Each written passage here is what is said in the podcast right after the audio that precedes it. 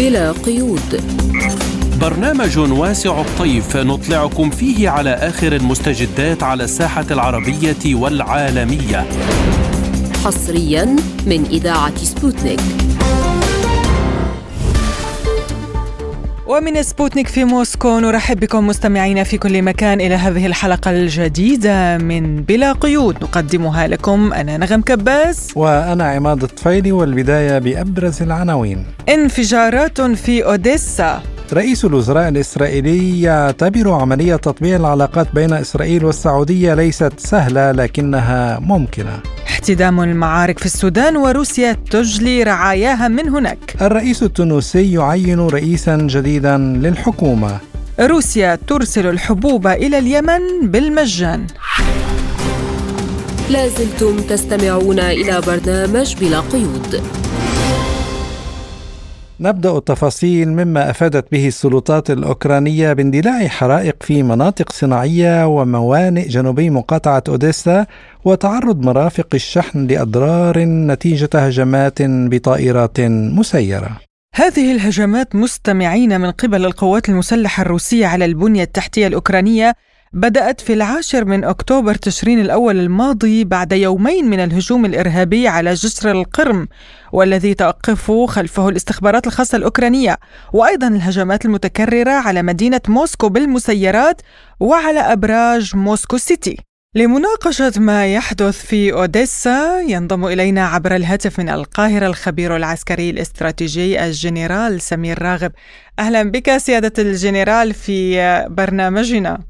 أهلا بيكي نغم واهلا بالاستاذ عماد. أهلا بيك وفريق العمل والسادة المستمعين. أهلا بيك.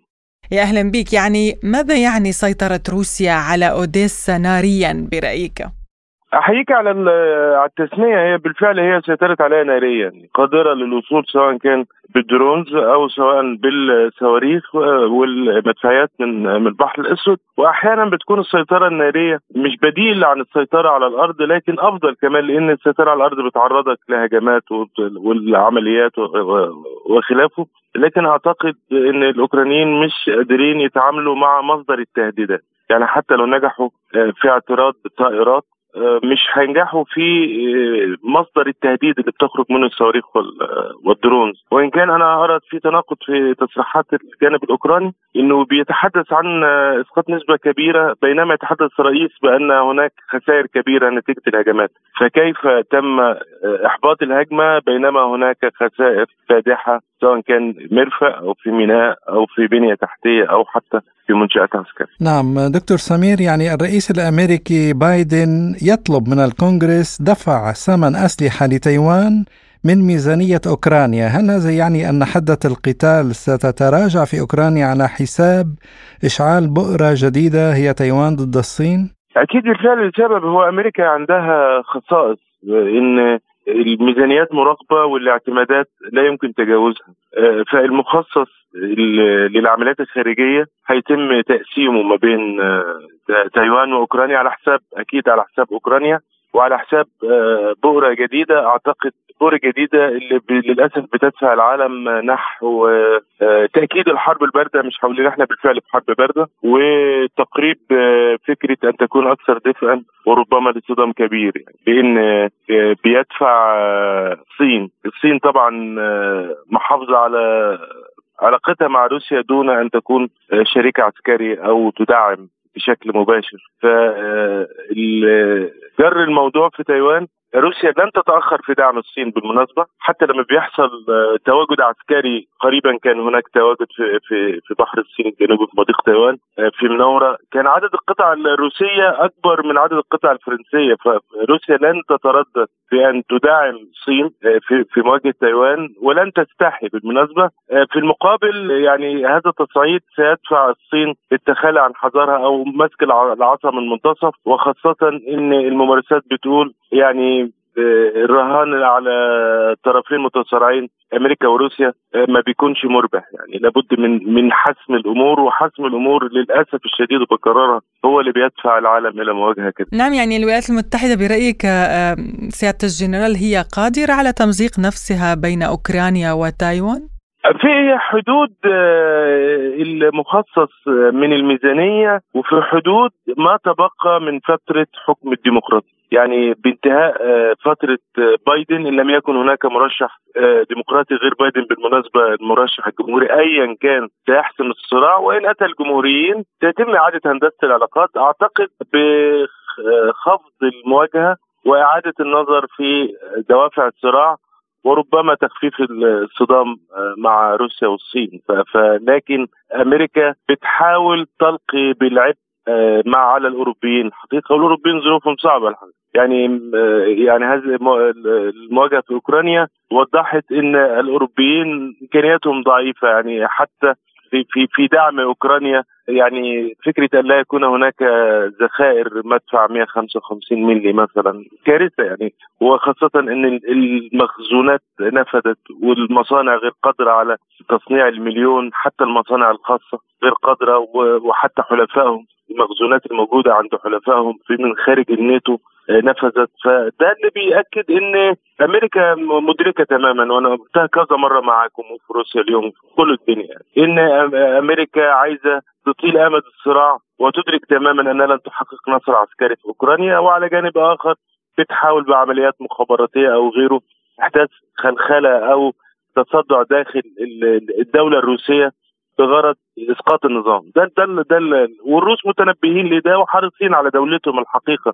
والأوروبيين الحقيقة ماشيين ورا أمريكا وعلى أمل أن تحقق نصر. وأمريكا تعلم تماما أنها لن تحقق نصر. فبالتالي لما تخفض النصف في امدادات أوكرانيا لن تغير من ما تريده أمريكا لأن أمريكا تعلم ورئيس الأركان اللي هيئه الأركان المشتركة الأمريكية قال أن الكاونتر أوفنسيف الهجوم المضاد لن ينجح ولابد من تأجيله على الأقل العام لحين استكمال الامدادات، الإمدادات اللي طالبها الأوكرانيين التي لن تكتمل لن يحصلوا على الاف 16 بسهولة، لن يحصلوا على الإبرامز الدبابات الأمريكية بسهولة اللي هي عددها قليل أقل من كتيبه في حدود 33 دبابة، فبالتالي الأمريكان في فكره العمل على الوجود العسكري راحوا لتايوان ويعلموا تماما أيضا أن لن تحدث معركة في تايوان لكن في الأخير عشان يخفف آه، وجهة نظر التركيز الإعلامي على أوكرانيا وتظهر أنها ملف عادي بالنسبة لأمريكا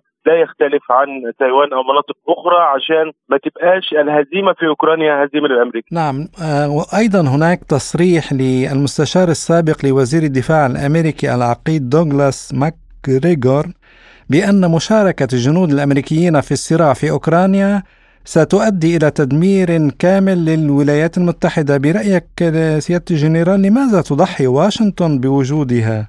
أمريكا مش هتدخل عسكري داخل أوكرانيا يعني with uniform يعني إن هو في الخدمة. لكن فكرة شركات الأمن الخاصة والمتقاعدين ده مواطن أمريكي يعني ما أمريكا لا تسأل عليه. لسبب أمريكا لو دخلت جندي وتم أسره وهو ينتمي لوحدة مقاتلة تستغل روسيا هذا بشكل يعني غير مسبوق وتحرج أمريكا وهتدي تدخل العالم بفكره أننا بالفعل الروايه الروسية حول أن الحرب مع أمريكا والناتو وليس مع أوكرانيا هتكون رسمية وليس رواية من أحد الأطراف. والتقارب الغير مدروس والغير مسؤول من دول الناتو وأمريكا في اتجاه أوكرانيا ده اللي يخلي روسيا وحددت بشكل واضح. وأنا مصدقهم الحقيقة. إن لو حصل تهديد من دولة هيتم التعامل مع الدولة. يعني لو طلع من بولندا هيتم التعامل مع بولندا. من لاتفيا مع لاتفيا. وهكذا. فبالتالي ده اللي هيجبر الناتو إن هو يفعل المادة الخامسة اللي أنا من وجهة نظري لا يرغب ولن يقوم بتفعيلها. لأن تفعيل المادة الخامسة يعني حرب عالمية بدون كلام مش كلام بقى خبر ولا الكلام ده. لا هو هيبقى كده. فبالتالي أمريكا مش هتعمل ده وحتى صدرت التعليمات. الناتو والامريكا مع بداية الحرب الأوكرانية إن اللي متواجدين في في الضفة الشرقية لحلف الناتو في دول مجاوره لأوكرانيا ما يكونوش قريبين من الحدود حتى لا تسقط آه، قذيفة أو صاروخ روسي عن طريق الخطأ فيقتل جنود داخل أراضي من الناتو فيجبر الناتو على تفعيل المادة الخامسة. أنا بقولها وبقولها يعني سواء كانت القناة دي روسيه أو المحطة الروسية الغرب يخشى صدام مع روسيا لأن المستوى الأعلى من الصدام روسيا متفوقة. في المستوى الحالي ما أقدرش أقول روسيا تحقق نجاحات روسيا لن تهزم لكن في حالة من حالات الاتزان لو اتكلمنا في القوة التقليدية لو الناتو حشد قواته كلها على الحدود تبقى كبيرة. لكن لو دخلنا في المستوى الثاني من الصراع لا روسيا متفوقة متفوقة في ضبط البحار في السيطرة على البحار في الصواريخ ال INF القصيرة متوسطة المدى في الصواريخ التي تحمل رؤوس نووية في الصواريخ الفرط صوتية عالية الدقة في الترسانة النووية والتحركات الأخيرة بقى في كوريا الشمالية وهنا وهنا وهنا. حتى في زاباروجيا اليوم روسيا أحبطت هجوما لقوات النخبة الأوكرانيين يعني إن كانوا النخبة فشلوا في إحداث أي خرق. في القوات الروسية. يعني آه، كيف تتوقع آه، آه، تصرف أوكرانيا وهي استنزفت قواها في خلال هجمات متكررة لم تجدي نفعا خلال الشهرين الماضيين؟ في دروس في الحرب خالفها الأوكرانيين. يعني أول درس ما تخدش معركة الروس فيها بيدافعوا لأن طرق الدفاع الروسية أولا هي بتاعتهم هم اللي أبدعوها. يعني موضوع المواقع والخنادق والتحصينات والتجهيزات الهندسية يعني ما فيش حد في الدنيا ولم يهزموا في معركة دفاعية لا من نابليون ولا من هتلر ولا من غيره. الدرس الثاني إنك أنت ما تحاربش الروس بمدرع ابدا وخاصة إن يعني شرق أوكرانيا وخاصة دونباس وأرض الدبابات الروس هيكسبوك. وما تحاربش روس معتمدة على المدفعية والصواريخ لأن هم متفوقين.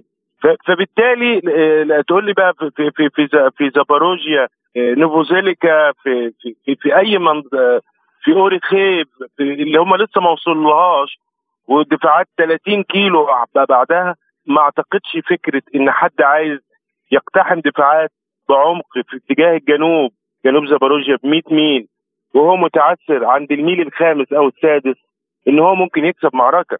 دي لو إحنا حتى جت قوات الناتو بقوات تقليدية. في المنطقة دي ما, تكسبش الروس. لكن في العمل التعرضي كان الأوكرانيين دفاع. فبالتالي قال لك إحنا عملنا خسائر. لكن لما الروس سيطروا على أرض وبيدافعوا فيها هتعمل إيه؟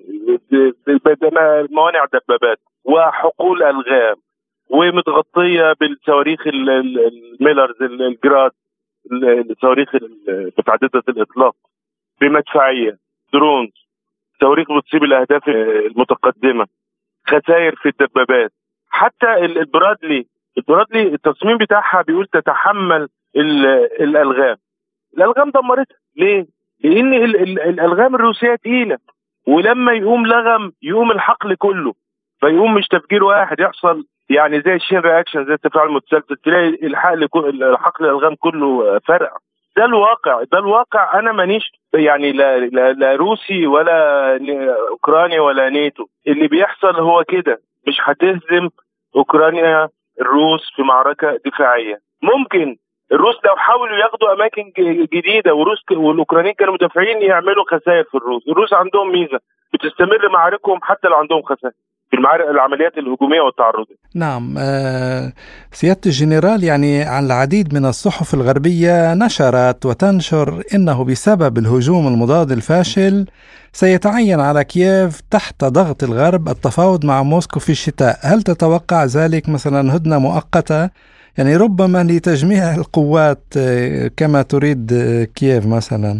أنا كان لي لقاء سابق معكم مع حضرتك أستاذ عماد أستاذ نغم على نفس البرنامج على سبوتنيك وقلت هذه المعركة التي لم تكن بدأت بعد في هذا الحين في ذلك الحين. قلت إن معركة زيلينسكي الأخيرة وإن هو لو فشلت هيجبر على التفاوض. الكلام ده مش آه، فكرة في أمور بقول لك بقول لك احتمال لكن ده أنا قلت لكم أكيد. وهذا سيحدث وأكده معاكم دلوقتي. لا في موارد والضغوط السياسية زادت ويعني موضوع إنك تقوم ب counter offensive ضد الروس موضوع محبط لأي جيش في الدنيا وفي إهانة للسلاح الغربي وفكرة إن إحنا هندي زيلينسكي اللي هم اللي هو عايزه رغم إن إحنا عارفين إنه مش هيفيده كانت فكرة اننا قدمنا ما نملك قدمنا ما طلب ولكن لا لا, لا معركة أخرى. في على الشتاء القادم ما تبقى حتى راسبوتيستا القادمة هيكون الموضوع ماشي بالدفع الذاتي لغاية ما يوصل إما تفاوض. طبعا تفاوض اذعان لأن زيلينسكي مش هيقدر يطلب حاجة لأنه منهزم. أو آه، تبريد الصراع لحين تجميد الصراع. يتجمد الصراع كما تجمد الصراع في شبه جزيرة القرم في 2014 زي آه، أوسيتيا الجنوبية يعني أبخازيا.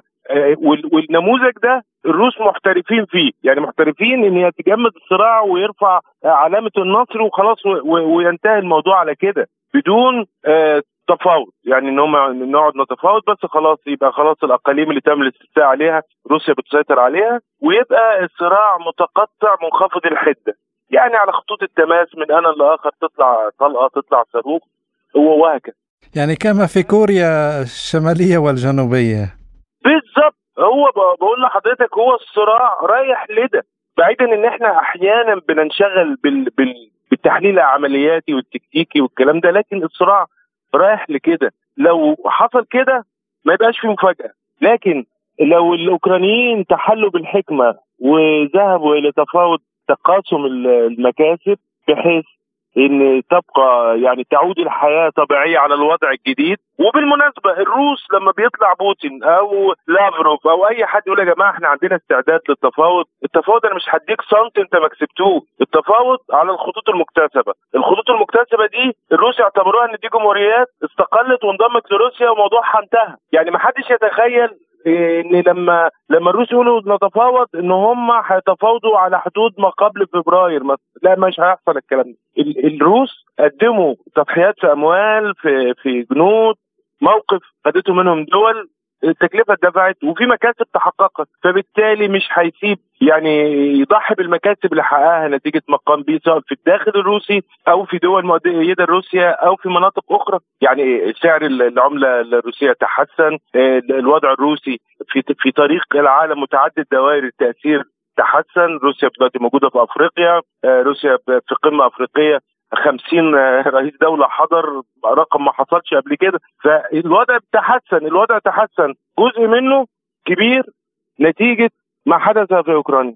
فبالتالي مش هيفقدوا طب الأوكرانيين استمرار الصراع بدون داعمين إيه اللي هيحصل؟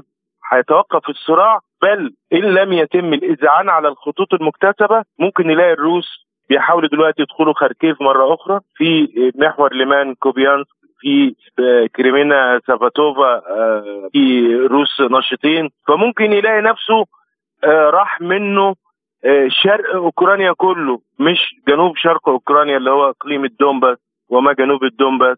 بالاضافه طبعا لخيرسون هيلاقي نفسه ده وسومي دخلت في الموضوع وابتدى يبقى الشرق والروس يقفوا على نهر نهر دنيبرو كمانع طبيعي ما بين روسيا وأوكرانيا وتتحول أوكرانيا لمناطق غرب العاصمة وحتى الحدود مع الدول الدول ده اللي أنا شايفه بدون أي تحيز الحقيقة وبدون مجاملة لطرف من الأطراف. نعم الخبير العسكري الاستراتيجي الجنرال سمير راغب كنت معنا من القاهرة. شكرا جزيلا لك سيادة العميد شكرا شكرا. أهلا بك يا فندم. تفضل يا فندم.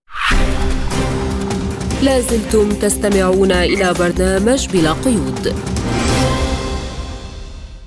وإلى ملفنا التالي إذ قال رئيس الوزراء الإسرائيلي بنيامين نتنياهو إن عملية تطبيع العلاقات بين إسرائيل والسعودية ليست سهلة لكنها ممكنة وستكون هذه خطوة مهمة نحو إنهاء الصراع العربي الإسرائيلي برمته. وتعليقا على تقارير عن اتصالات مزعومة بين إسرائيل والمملكة العربية السعودية بشأن تطبيع العلاقات رفض الخوض في التفاصيل لكنه شكر الولايات المتحدة على جهود الوساطة في هذه العملية. حول هذا الموضوع قال المتخصص في الدراسات الاستراتيجية والعلوم السياسية الدكتور محمد صالح الحربي بلا قيود. في وجهة نظري إنه الطريق لا زال طويلا لإقامة علاقات ما بين المملكة العربية السعودية وإسرائيل، لأن المملكة العربية السعودية دائما ما تذكر في مبادراتها العودة إلى اتفاق 2002 اجتماع بيروت الأرض مقابل السلام حل الدولتين على حدود 1967 ولكن مع التغيرات الأخيرة يمكن أن للمملكة العربية السعودية أن تقدم بعض التنازلات ولكن بشروط وبثمن هو الاتفاق مع الفلسطينيين أيضا إيقاف التوسع الاستيطاني، التعهد بعدم ضم الضفة الغربية والبناء من ثم على ذلك ولكن لا زالت القضية الفلسطينية قضية محورية مركزية بالنسبة للمملكة العربية السعودية وهي قائدة العالم الإسلامي. هناك محاولات أمريكية حديثه على مستوى الخارجية والأمن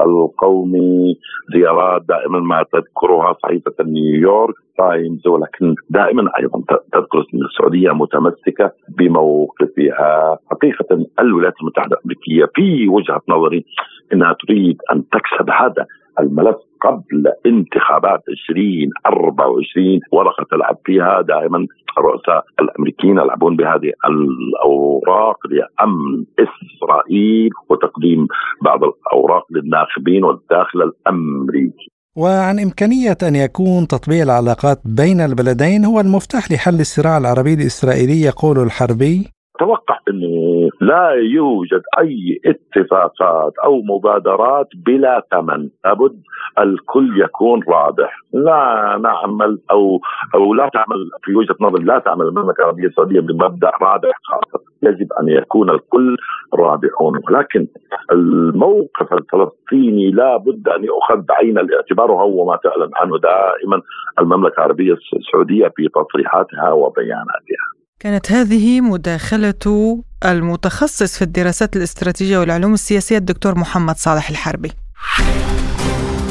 لازلتم تستمعون إلى برنامج بلا قيود. وإلى السودان حيث أعلنت وزارة الخارجية الروسية إجلاء موظفي السفارة الروسية من الخرطوم والمواطنين الروس الذين تقدموا بطلب للحصول على المساعدة في العودة إلى وطنهم. وقالت الوزارة في بيانها بسبب المخاطر الأمنية العالية على خلفية الاشتباكات المستمرة في السودان تم إجلاء جزء من موظفي السفارة الروسية المنقولين من الخرطوم وكذلك المواطنين الروس وأفراد الأسر الذين تقدموا بطلب للحصول على المساعدة في العودة إلى وطنهم من مدينة بورت سودان. وأكدوا أن عمل السفارة الروسية في بورت سودان مستمر على وضعه الطبيعي فيما اندلعت اشتباكات عنيفة بين قوات الجيش السوداني وقوات الدعم السريع في الخرطوم قرب وحدة سلاح المدرعات والمناطق المحيطة. بهذا الخصوص قال الخبير في الشأن السوداني والإفريقي محمد تورشين لبرنامجنا والحرب في السودان حتى الآن ملامح أنه يكون في طرف منتصر لم تتبلور ولم تتشكل بالشكل الواضح لذا من الطبيعي بنجد أنه حتى الآن في تكافؤ أو توازن للقوى بين نعم. الجيش السوداني والدعم السريع.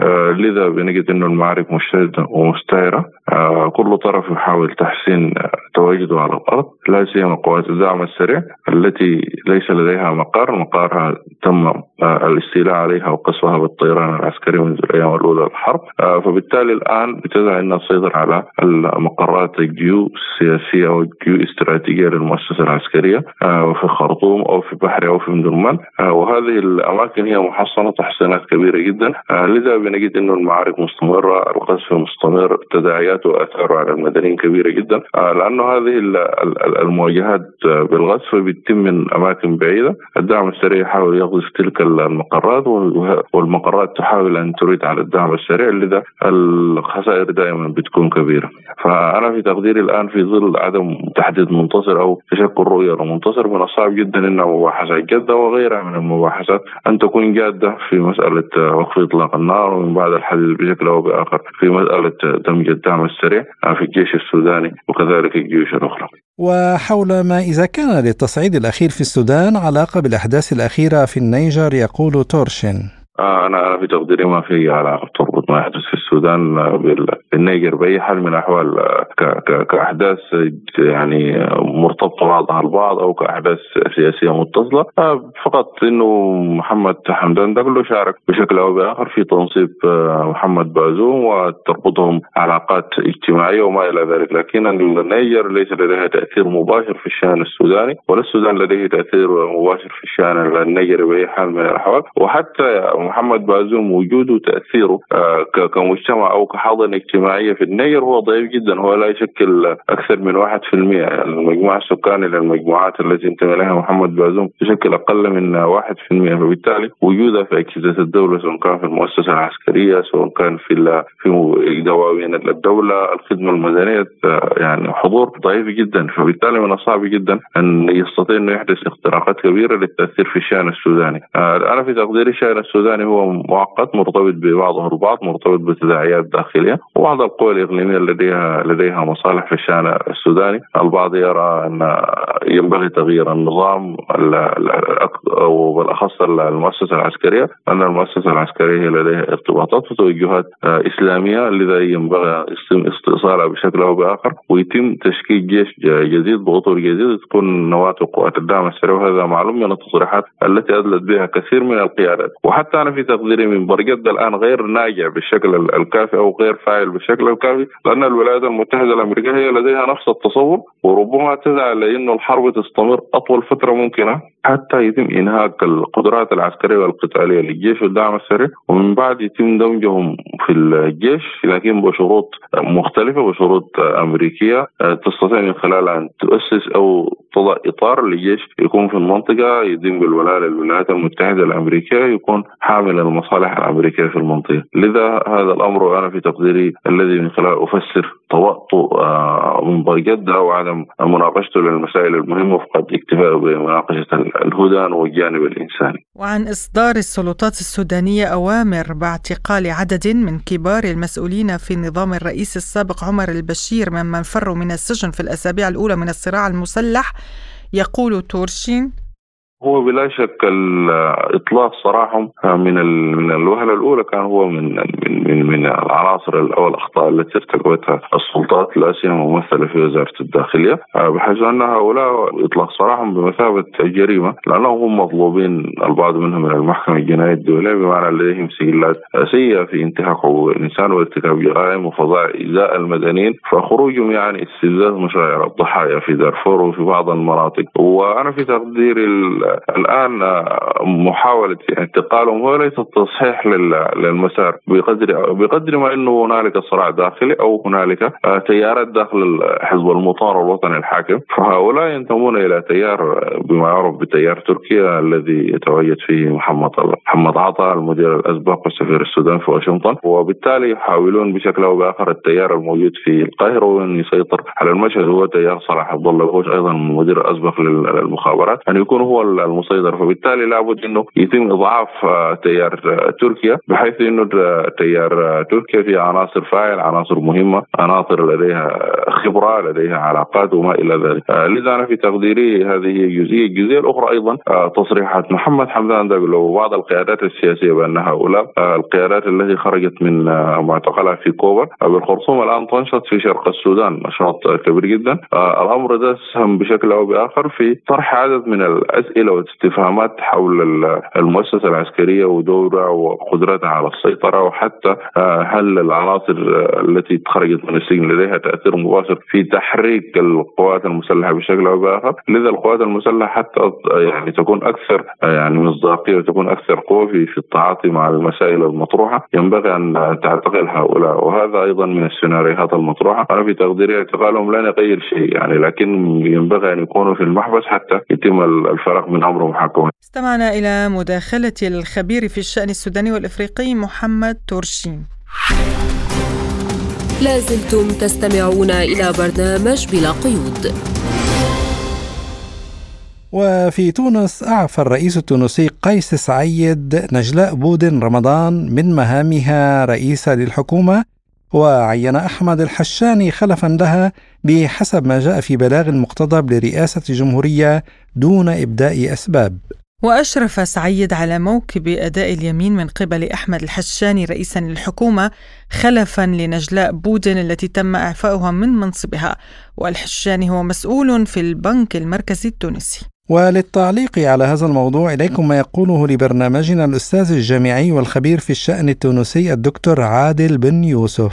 الواقع هي أسباب عديدة معناها ثم الوضع الداخلي في تونس الملفات الاقتصادية الكبرى لم يتم معالجتها خاصة ملف المؤسسات العمومية مسألة تفويت في بعض المؤسسات العازة خاصة منها الشركات معناها الكبرى مسألة صندوق الدعم مسألة المديونية وملف المديونية مسألة الهجرة الخارجية الملف كبير هذه رغم إبرام اتفاقية معناها مع الاتحاد الأوروبي وقدوم مسؤولين في مقدمتهم رئيس الوزراء الإيطالية ما نسميها اتفاقية معناها شراكة مع الاتحاد الأوروبي على أساس يتم ضبط العلاقات في المستقبل وإيجاد صيغة معناها مشتركة لمعالجة ملف المهاجرين السريين البلغ العدد نتاعهم ستة أشهر معناها لهذه السنة تقريبا قرابة ما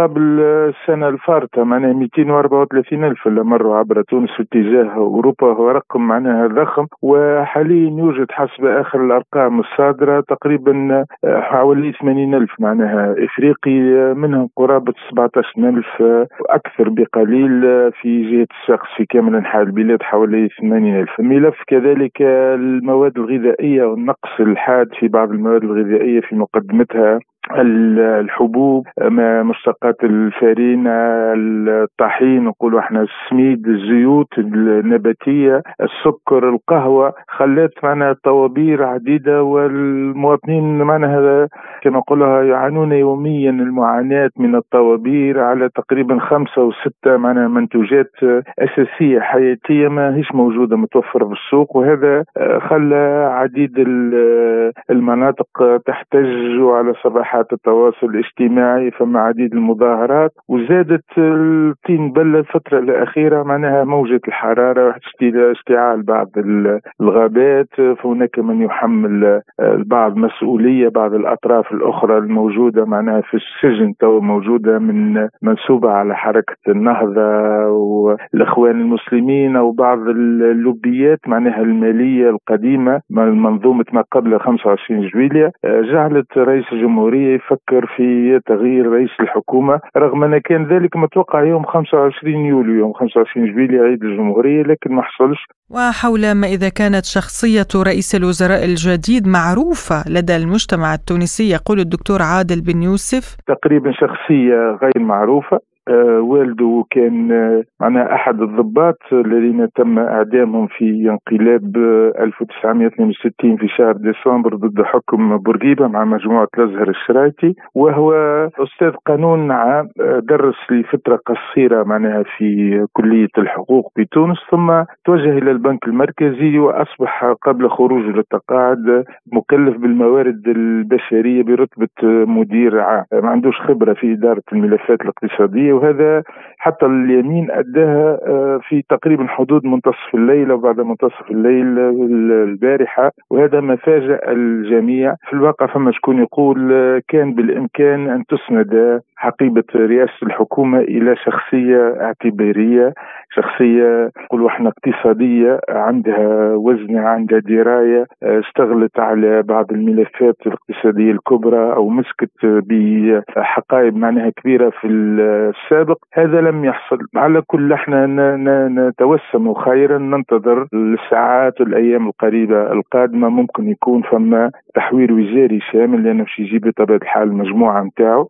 الكل مش تستغل في كنف تصور رؤية واضحة وهذا ما قاله حتى رئيس الجمهورية ليلة أمس أثناء أداء القسم. يقول إحنا نتكامل عمل الوزارات لا يجب أن يتضارب مع عمل رئاسة الجمهورية وأنتم عندكم الصلاحيات الكافية بالقيام بما ترونه صالحا لحل مشاكل المواطنين التي لا تنتظر خاصة نحن نعيش فترة معناها موجه حر وكذلك عودة مدرسية جامعية في شهر سبتمبر شهر تسعة. وفما عديد الملفات التي تراوح مكانها منذ سنوات لابد من إيجاد حل لها خاصة فيما يتعلق بصندوق الدعم مسألة التمويل مسائل المديونية مسائل الهجره الهجرة كما قلنا وهذا يتطلب بطبيعة الحال إنسان يكون ملم وعنده علاقات وعن ردة فعل الرأي العام في تونس على هذا التعيين يقول الدكتور عادل بن يوسف على التعيين. والله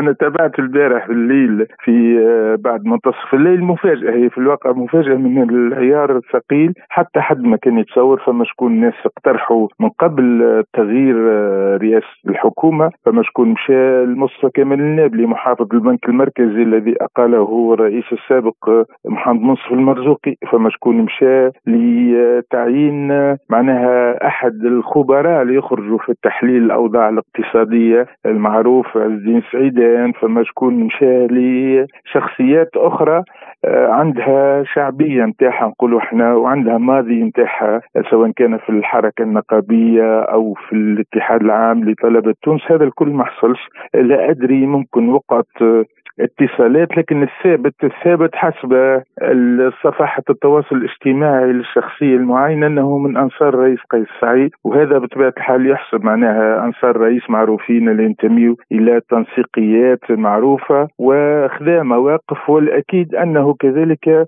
ليس من أنصار الرئيس السابق محمد المصطفى المرزوقي. ممكن هذا يرتاح له الرئيس شخصيا ويقول لك من الجماعة نتاعي نجم نرشحه لكن آه، أنت تختار شخصية بهذا الحجم تقريبا من نقولوا إحنا مغضوب عليهم في عهد بورقيبة والده هو ما نجموش نقولوا الابن مثل الوالد لكن هذا فاجأ الجميع خاصة البورقيبيين يقول لك هذول معناها يذكرونا بالانقلابات اللي كانت تحصل في المشرق وكانت تحصل معناها كما كانت قبل في سوريا وفي عديد الدول في مصر وغيرها. نحبوا إحنا شخصية ما عندهاش اللبس تكون بعيدة عن كل الشوائب. هذا هو لكن كما قلنا من مسؤولياته في صلب البنك المركزي وتجربته القصيرة في التعليم في القانون العام ممكن تجعل منه إذا كان عرف كيفاش يساير الأمور ويجاري خاصة الملفات الكبرى هذه ينجم يكون قدم معناها الإضافة المرجوة خاصة في هذه الفترة الدقيقة ونأمل خير بطبيعة الحال لأن وضع البلاد لا يتحمل أكثر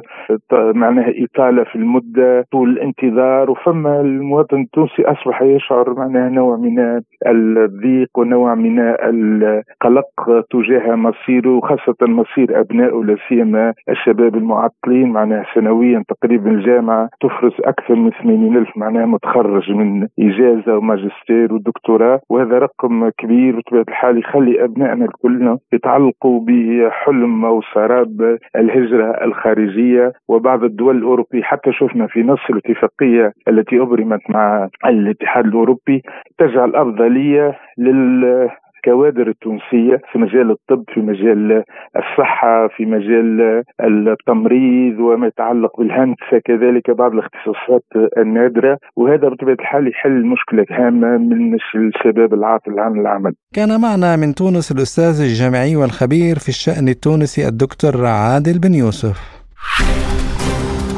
لازلتم تستمعون إلى برنامج بلا قيود. وإلى اليمن والمساعدات التي أرسلتها روسيا إذ قررت الحكومة الروسية إرسال شحنات مجانية من الحبوب إلى الشعب اليمني. وحول هذا الموضوع قال السفير اليمني لدى روسيا الاتحادية أحمد الوحيشي خلال لقاء خاص مع برنامج بلا قيود نحن آه، هذا العام يصادف آه، الذكرى ال 95 لمعاهدة الصداقه بين روسيا واليمن والعلاقات آه، بين بلدينا علاقة تاريخية طويلة وقديمة وتعزز باستمرار وليس غريبا تصدر عن القيادة الروسية في ظل التحديات آه، الراهنة وأزمة الغذاء التي تواجه كثير من الدول خاصة الدول النامية ومنها اليمن. إلى جانب أيضا ما نتج عن هذه التطورات الإقليمية والدولة من أزمة الطاقة. فكانت مبادرة القيادة الروسية بأن آه، تؤمن آه، شحنة آه، من الحبوب لعدد من الدول التي تمر بظروف صعبة وعدد من الدول النامية ومنها اليمن التي نعبر هنا عن تقديرنا لجهود القيادة والحكومة الروسية في تقديم هذه المساعدات. وهي تأتي أيضا ضمن كثير من المساعدات الإنسانية التي تقدمها روسيا عبر الهيئات المتحدة لبلادنا وأيضا ضمن التعاون بين البلدين في إطار العلاقات الثنائية المتميزة على الصعيد السياسي والاقتصادي والاجتماعي والثقافي وغيرها. وأكد سعادة السفير أنه يتم التنسيق مع الأمم المتحدة لضمان أمن الشحنات وأن هناك توجه طموح لفتح خط ملاحي بين البلدين. نحن آه، على اتصال مباشر مع وزارة الخارجية الروسية لبحث آه، أي صعوبات آه، تواجه هذه الشحنات في لقاء لي مع مساعد وزير الخارجية للشؤون المنظمات الدولية سيد اثناء أنه في ظل التدابير التي اتخذت من بعض الدول تجاه روسيا على إثر التطورات الاقليميه الراهنة يتم ترتيب مع برنامج الغذاء العالمي لتذليل هذه الصعوبات. نحاول من خلال التواصل مع وزارة الخارجية وأيضا يعني برعاية معالي الوزير سيد لافروف وممثل الرئيس الروسي للشؤون الشرق الأوسط وشمال أفريقيا نائب وزير الخارجية سيد بوزانو متابعة الشحنات كان التفكير أيضا من وقت سابق أن يكون في خط ملاحة مباشر بين روسيا واليمن. هذا الطموح ممكن أيضا مع احلال سلام في اليمن. يعني واعاده الإعمار تكون هناك فرص أكبر لمثل هذه المشاريع الطموحه إنما كما تم الاتفاق مع وزاره الخارجية يتم تذليل هذه الصعوبات وتأمين الشحنات كما فهمنا الاصدقاء الروس بالتنسيق مع برنامج الغذاء العالمي. كان هذا اللقاء الحصري الذي أجريناه مع السفير اليمني لدى روسيا الاتحادية أحمد الوحيشي. بدوره اعتبر بوطال بأمحد أمين مدير المركز العربي الإفريقي للاستثمار والتطوير ورئيس الشبكة الجزائرية للاستثمار والتطوير خلال حديث لسبوتنيك على هامش القمة الروسية الإفريقية أن روسيا قادرة على مساعدة الدول الفقيرة وإمدادها بالحبوب. اليوم يعني الموضوع الذي أصبح يثار في كل القمم قمة أمريكا إفريقيا وقمة أيضا الصين إفريقيا وقمة تركيا التي ستعقد في شهر نوفمبر المقبل كلها تتطرق إلى ثلاث نقاط مهمة جدا اللي هي الأمن السيبراني وأيضا الأمن الغذائي وأيضا الأمن الطاقوي كمحاور أساسية.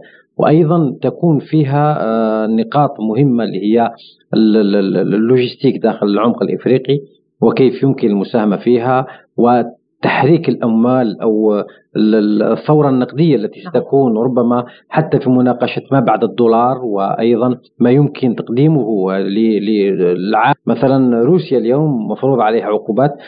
لابد عليها أن تتحرر مع دول ويكون تعامل مباشر مع الدول التي تفرض حريتها وتفرض البعد عن القيود التي يفرضها قوانين جاحفة في حق العديد الدول ربما إن صح التعبير. لكن اليوم العالم يبحث عن عن فرص حتى قمة أوروبا كانت واضحة في في في قمتها أنها تجذب العديد من الأفكار والآراء إلى ليس ما بعد الدولار ما يمكن التعاون معه مع الدولار يعني. فهذه النقاشات مهمة جدا في المحاور المهمة داخل كل القمم الإفريقية الدولية التي تعقد. والآن أعتقد أنه فيه خارطة جديدة تؤسس في في في العالم.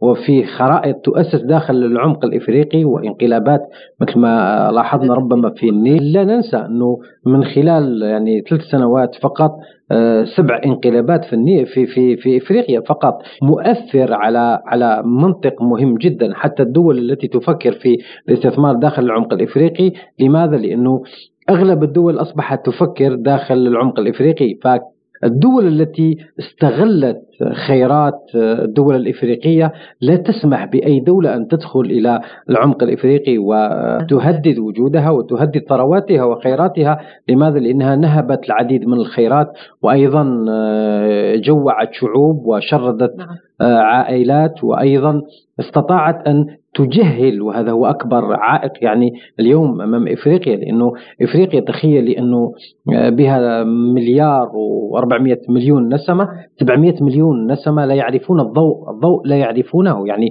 لا يعرفون الاتصال، لا يعرفون الماء، الماء النقي، لا يعرفون لشيء واحد لاستغلال من طرف دول كانت تسيطر على هذه الدول وخيراتها وثرواتها. دول لا تملك الذهب لكنها هي الأولى. احتياطات الذهب. لازلتم تستمعون إلى برنامج بلا قيود. كشف وزير الاقتصاد اللبناني أمين سلام في لقاء حصري مع سبوتنيك عن التحديات التي يواجهها لبنان فيما يخص موضوع الأمن الغذائي. طبعا يعني ما في شك إنه نحن عندنا تحدي كتير كبير دائما بموضوع الامن الغذائي من يوم ما خسرنا إهراءات مرفأ بيروت لأنه فقدنا المخزون الاستراتيجي المخزون الاحتياطي اللي هو دائما لازم يأمن لك استمرارية أو استدامة ثلاثة لست أشهر والأفضل يكون تسعة أشهر لسنة. آه، للأسف نحن بلبنان ما كان عندنا رؤية بعيدة الأمد وكان كل مخزوننا بمكان واحد وكان مخزون لا يكفي أكثر من ثلاثة أشهر أو أربعة أشهر لو كان بعده موجود. بعدم وجوده نحن مثل ما بنعرف اليوم عم نتكل على استيراد القمح ولما يسلم القمح يتوافر مادة الطحين من خلال طحنة بلبنان وتوزيعها على الأفران. نحن وضعنا خطة مع وزارة الزراعة تقريبا من أكثر من سنة وثلاثة أشهر. آه، للاستفادة من المواسم الزراعية ولزيادة إنتاج القمح الطري لأنه مثل ما بنعرف بلبنان كان عم بيصير زراعة كتير كبيرة للقمح القاسي اللي هو لا يصلح لصناعة الخبز العربي يصلح لصناعات أخرى. فوضعنا خطة وضعنا آلية كتير مقبولة كتير معقولة اللي هي بتزيد الإنتاج الوطني من زراعة القمح الطري بنسبة 10% كل سنة. على أمل أنه خلال خمس سنوات يزيد عنا زراعة القمح الطري بنسبة 50% لنقدر نحكي بتأمين اكتفاء ذاتي إلى حد معين. لأنه نحن مثل ما بنعرف اليوم بلبنان تقريبا آه، بنستعمل 30 أو 35 ألف طن من القمح آه، لا نعمل منهم آه، كميات طحين. اليوم عم بتكفي شهريا بالبلد تقريبا ب 23 و 25 ألف طن طحين. يعني نحن استهلاكنا الشهري تقريبا بين 35 وال 40 ألف طن. اليوم بعد ما خلص الموسم تبين معنا أنه في بالسوق ما يقارب الستين ألف طن من القمح المخلوط يعني طري وقاسي. طبعا النسبة الأكبر هي قمح قاسي. وما كان إنتاج المحصول يعني بالنسبة اللي نحن كنا بنتأمل نوصل لعدة عوامل صارت آه، صعبت على المزارع وصعبت على الدولة أيضا آه، آه، أنه نوصل لنسبة العشرة بالمية زيادة اللي بدنا إياه بس كان عمل جبار يعني من قبل وزارة الزراعة وعلى القليلة حطينا مثل ما بيقولوا خطوة بمشوار الألف ميل. هلأ الدولة اللبنانية بدها تشتري القمح الطري من المطاحن مثل ما عم نشتري من برا عفوا من المزارعين وبدنا نشتري نسبة معينة من القمح القاسي لأنه يخلط 10 أو 15% منه لا يقدر يفوت بالخبز العربي حتى نستفيد من القمح الموجود بالبلد. بس اليوم نحن أنا بعد بقول لك وبأكد لك هيدي كميات كتير قليلة. لأنه مقارنة مثل ما عم نقول حاجتنا الشهرية يعني الإنتاج الزراعي كله تبع الموسم ما بك ما بيقطع لنا شهر شهر ونص من الاستعمال يا دوب بالكاد. فبعد عنا شغل كتير. لنوصل لمرحلة نقول إنه إنتاج لبنان الزراعي من القمح الطري الذي يصلح للخبز العربي والله بغطي لي ثلاث أشهر أو ست أشهر من السنة. في شغل كتير بده ينعمل. بس بدأنا بمكان بالوقت اللي ما حدا بلش. وأكد سلام أن ما يحدث في أوكرانيا وروسيا يشكل تحديا كبيرا للبنان. بالنسبة للي عم بيصير بأوكرانيا وروسيا طبعا بشكل لنا تحدي كتير كبير بالرغم من أنه نحن خلقنا ما آه، ما أسميه أنا بشبكات الأمان أو مثل ما بيقولوا الاحتياطي. اللي هو نحن جربنا ننوع مصادر الاستيراد تبعولنا بالقمح حتى ما يكون كل الثقل على روسيا وأوكرانيا. فتحنا على رومانيا فتحنا على دول أخرى بأوروبا فتحنا على آه، اتفاقيات تعاون شوي مع تركيا ومصر في حال احتجنا بغطونا. ليش قدرنا نعمل هذا الشيء؟ أول شيء آه، شغل هذا نحن اشتغلناه آه، مع الدول من باب الصداقة مع لبنان ودعم لبنان. ثاني شيء اليوم دولة مثل مصر اللي بيستهلكوا لبنان بالسنة كلها بتستهلكوا مصر بثلاث أسابيع. يعني إذا اليوم انقطع لبنان وصل لمرحلة صعبة بنقدر ناخذ كمية صغيرة من مخزون كتير كبير موجود بمصر. بس آه، هذا الشيء ما بيطلعنا من دائرة الخطر إنه يصير عندنا تأخير يصير عندنا ارتفاع بالأسعار اليوم. يعني كنا من فترة عم نحكي نحن بال 240 وال 250 دولار اليوم نحن ب 320 وطالعين. هذا بيأثر أيضا على إمكانيات لبنان المالية. نحن عنا قرض اليوم عم نستفيد منه. لنقدر ندعم لقمة عيش المواطن اللي هي خبز الناس. آه، في حال ارتفع سعر القمح كمان بده يرتفع معنا بشكل كتير كبير سعر ربطة الخبز وبدها تخف من عنا الموارد الموجودة اللي هي تطيل أمد القرض. نحن كل ما رخصت الأسعار طول القرض معنا كل ما غليت الأسعار قصر القرض معنا. اليوم بالأسعار اللي نحن فيها كنا مبسوطين فيها كان القرض بعد بده يدايم معنا سنة. بالوقت اللي قلنا تقريبا نحن ست أشهر مبلشين. فبالوقت اللي الدراسة الأولى كانت إنه القرض يمكن ضاين عشرة أشهر. فعملنا عمل كبير بنتمنى ما نخسره اليوم لأنه هذه الاتفاقية إذا تدهورت تدهور كامل. وشاهدنا المزيد من الضربات اللي شفناها مؤخرا على المرافق وتسكير معابر بحرية عم تحكي بتأخير بواخر. ونحن النهار اللي ما بيوصل باخرة بصير عندنا نقص بمادة القمح. آه، بصير ارتفاع كبير بسعر القمح. بصعب علينا آه، آه، إطالة أمد القرض والحفاظ على سعر الربطة يعني بس لليوم لليوم بعدنا بمكان ممتاز جدا. أنا من يومين كنت بمرفق بيروت عم فرغ بآخرة 28 ألف طن قمح. آه، واصلنا هلأ أربع بواخر جداد كل وحدة 6000 طن. يعني بعدنا بالسليم. آه، آملين إنه ما تتطور الأمور لأنه إذا تطورت حتى بالقمح الموجود بلبنان اللي زرع بلبنان مع كل الاحتياطات اللي أخذينها بدها تعمل مهمتنا صعبة. وحول بناء الإهراءات قال سلام.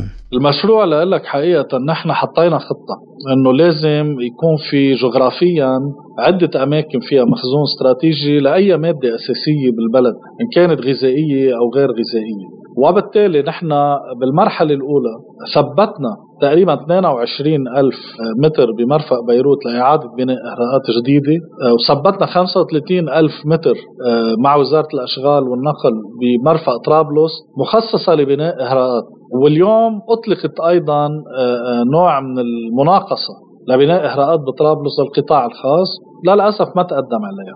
نحن نعول بشكل كبير جدا على دعم دولة الكويت لأنه أنا بأكد لك إذا الكويت اليوم ما اجت وتممت المبادرة اللي أطلقها رحمة الله عليه الأمير السابق. وبعد دولة الكويت لليوم عم تقول أنا بدي أرجع أعمر الاحراقات وأنا بعثت رسالة لسمو الامير عبر وزارة الخارجية من ثلاث أسابيع وطالب باسم الشعب اللبناني مش باسم الدولة اللبنانية. إعادة بناء اهراءات بلبنان مش بس ببيروت. حفاظا على الأمن الغذائي ووضحت إنه نحن عم نطلب هذا الشيء من دولة الكويت لشعب لبنان مش لحكومة لبنان لأنه هذا خبز الناس.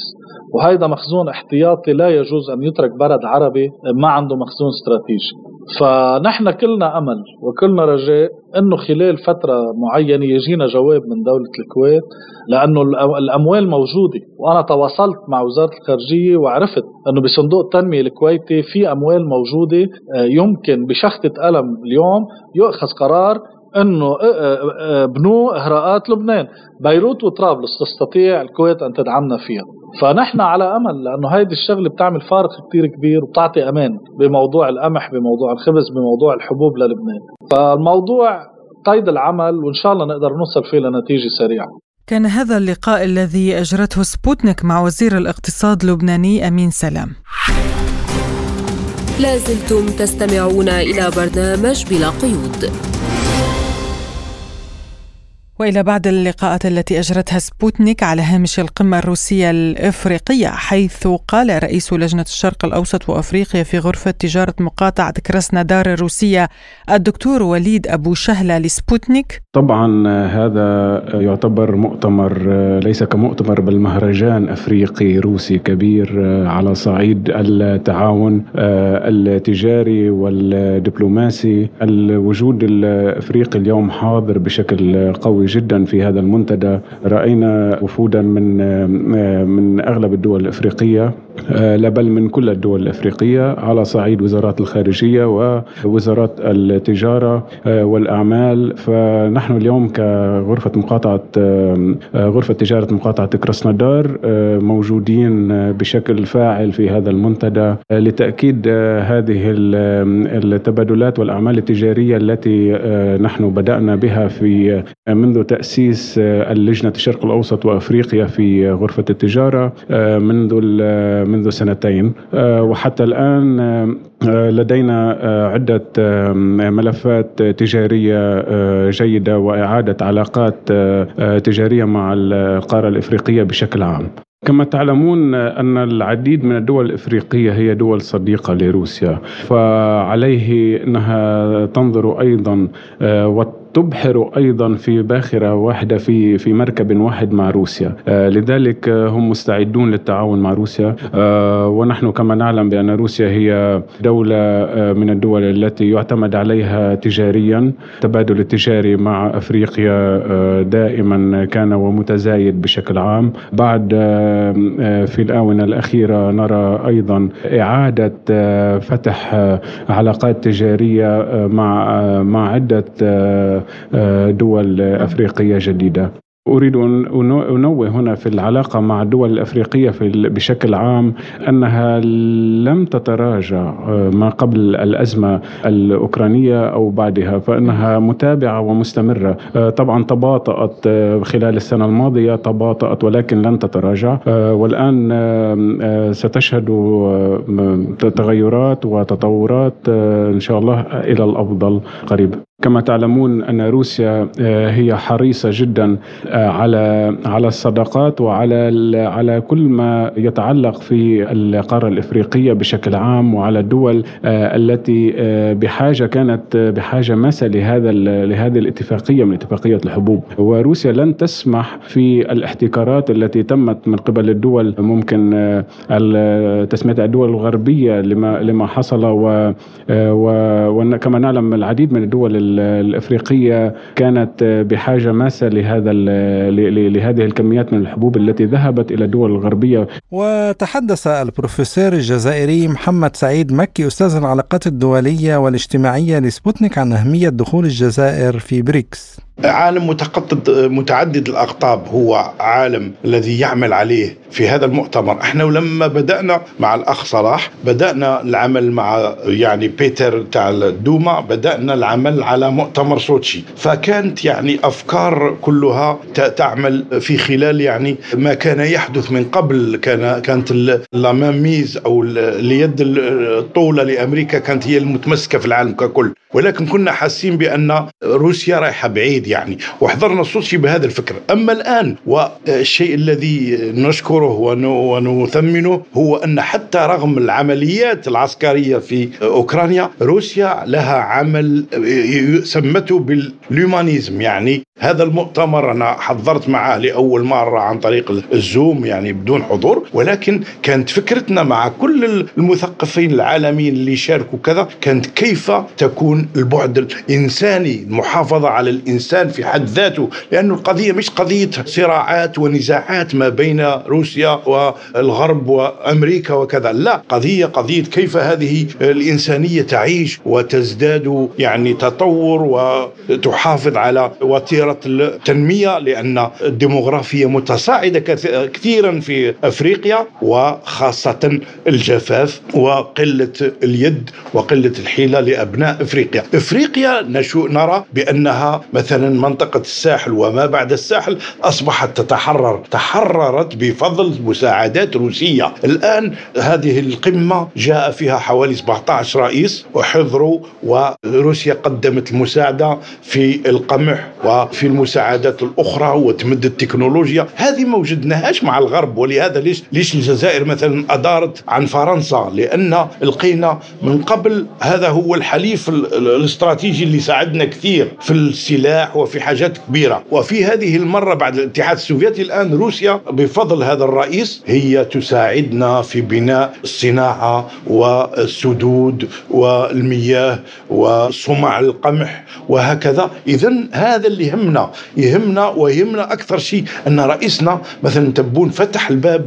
بمصرعه على الشباب على آه، المجتمع المدني. ولهذا سنجد المساعدة القوية من هذا من هذا الحليف القوي من روسيا. روسيا الآن التي كما قلت أنها تقوم بتعددية في تعمل من أجل التعددية. حقيقة أفكار الأفكار يعني النيرة للمفكر دوغين أصبحت تطبق على الأرض. ولهذا شفنا تحالف تحالف استراتيجي جزائر روسيا الصين تركيا أنقرة. يعني هذه التحالفات هي اللي راح تبني عالم متعدد الأقطاب.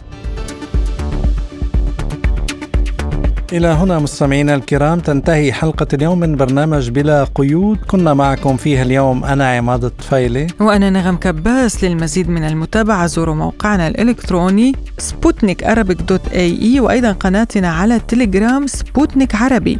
ولا تنسوا الاشتراك بقناة أرب بوينت بودكاست على يوتيوب. هي قناة مستقلة تتناول مواضيع سياسية واقتصادية وثقافية متنوعة. وشكرا لإصغائكم وإلى اللقاء. إلى اللقاء.